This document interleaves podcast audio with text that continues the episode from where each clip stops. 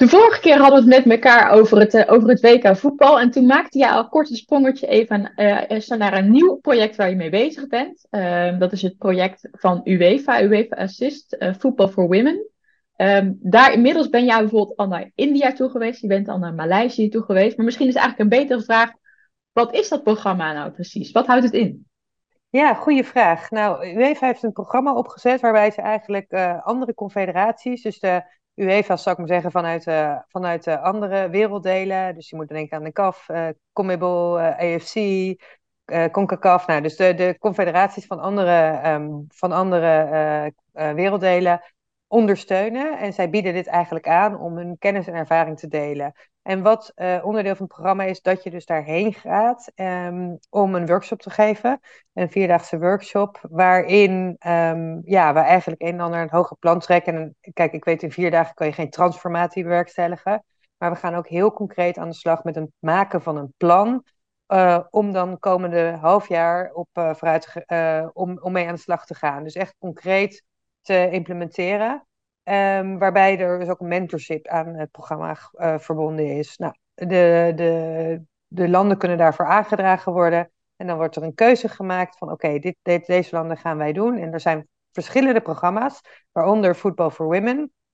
En dat programma focust zich enerzijds op het gedeelte Women in voetbal. Dus de vrouwen die werken en actief zijn in de voetbalwereld, op welke manier dan ook. Dus dan heb je de mensen die bijvoorbeeld managementfuncties hebben, bij bond werken. Er zijn ook coaches bijvoorbeeld, scheidsrechters en ook in sommige gevallen spelers, speelsters. Um, en daarnaast is het gedeelte wat over, specifiek over het women's voetbal, het vrouwenvoetbal gaat, om dat naar een hoger plan te trekken. De dagen, de workshopdagen, die zien er ook zo uit dat wij uh, twee dagen echt female empowerment en, en, en feminine leadership en skills uh, meegeven. En de andere twee dagen focussen, op, focussen we ons erop uh, dat wij een plan maken rondom um, ja, dus het, het, vrouwenvoetbal.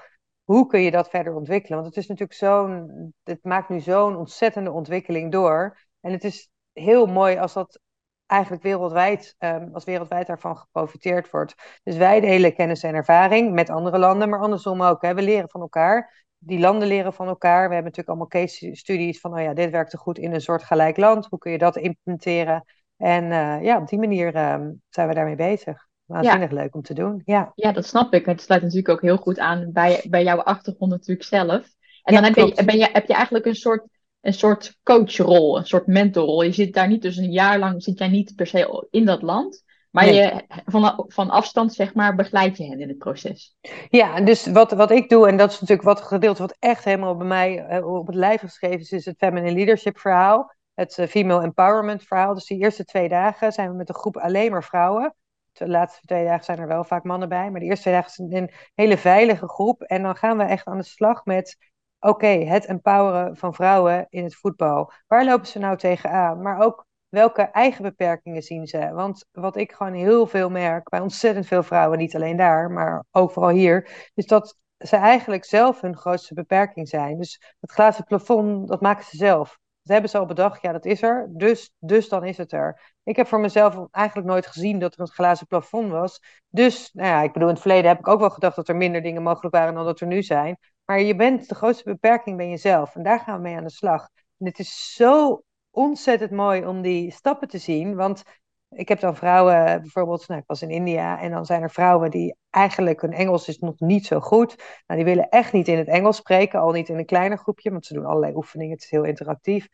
Uh, en al helemaal niet voor de groep. En dat, ze, dat gebeurt dan. En, en uiteindelijk maken ze dus hele kleine stapjes. Maar echt vijf minuten later staan ze dus voor een groep wel te presenteren. Staan ze wel hun bijvoorbeeld de elevator pitch te doen. Ja, en dat is zo mooi, want dat is wat ik ook altijd zeg. Als je ziet wat je in vijf minuten kunt bereiken, kan je je voorstellen als je daarmee doorgaat, wat je in een dag kan bereiken, wat je in een maand kan bereiken, wat je in een jaar kunt bereiken. En dat zal jou ook vast heel veel positieve energie geven, kan ik me voorstellen. Ja, ja, ja. Ik sta te stuiteren naar die dag. Precies, precies. Ja, klopt. Ja, nee, mochten mensen nou nog meer vragen hebben over dit, uh, over dit programma, dan laat het ook voor ons eventjes weten. Dat kan op onze socials, maar dat kan ook in de YouTube-reacties. En dan uh, hopelijk beantwoorden de volgende keer.